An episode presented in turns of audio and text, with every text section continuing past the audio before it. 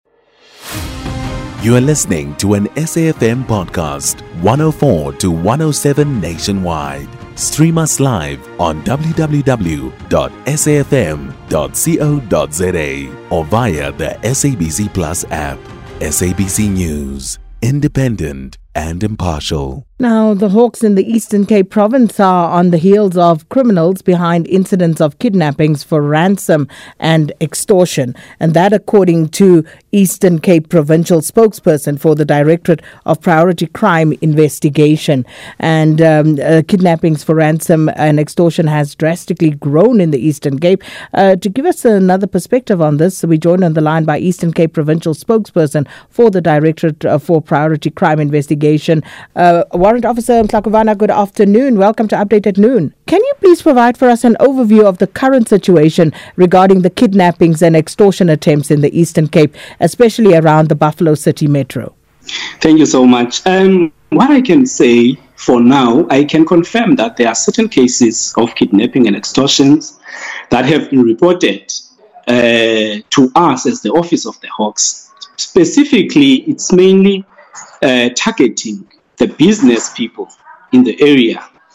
However, we have made our own general have made sure that he established the task team that is specifically dealing with kidnappings as well as extortion. Are there any specific trends or patterns in the way in which uh, these criminals operate or select their targets, Warrant Officer?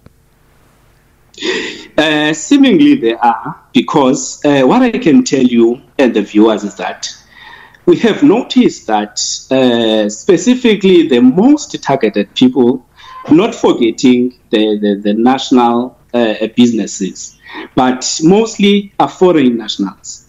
And the trend is, is like uh, they want a protection fee from those businesses. And we, we, we are doing our own investigation, making sure that we root out all those criminalities. And the, the investigation divulged that even from uh, the people that are coming from foreign nationals, they are the ones that are in the middle as well, giving out the information to those that are those kidnappers. So, what would be your message, um, Warrant Officer Mhlagomana, to business owners and others who are affected by these uh, kidnappings?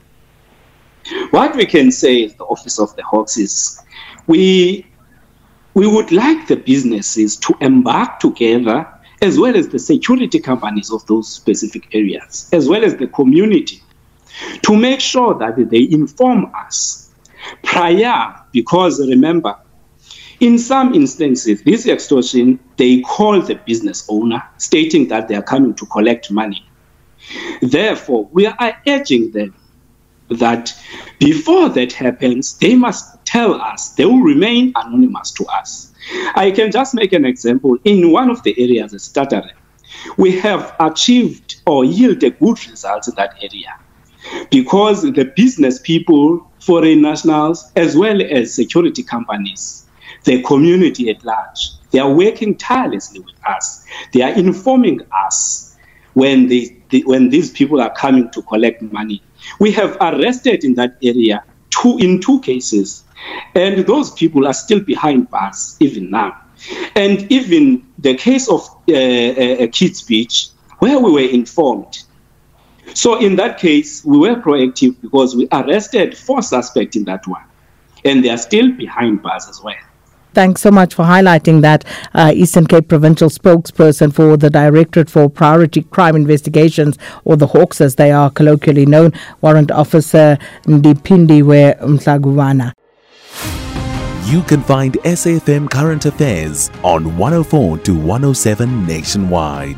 Our podcasts are available for download on all our digital platforms. SAFM, leading the conversation.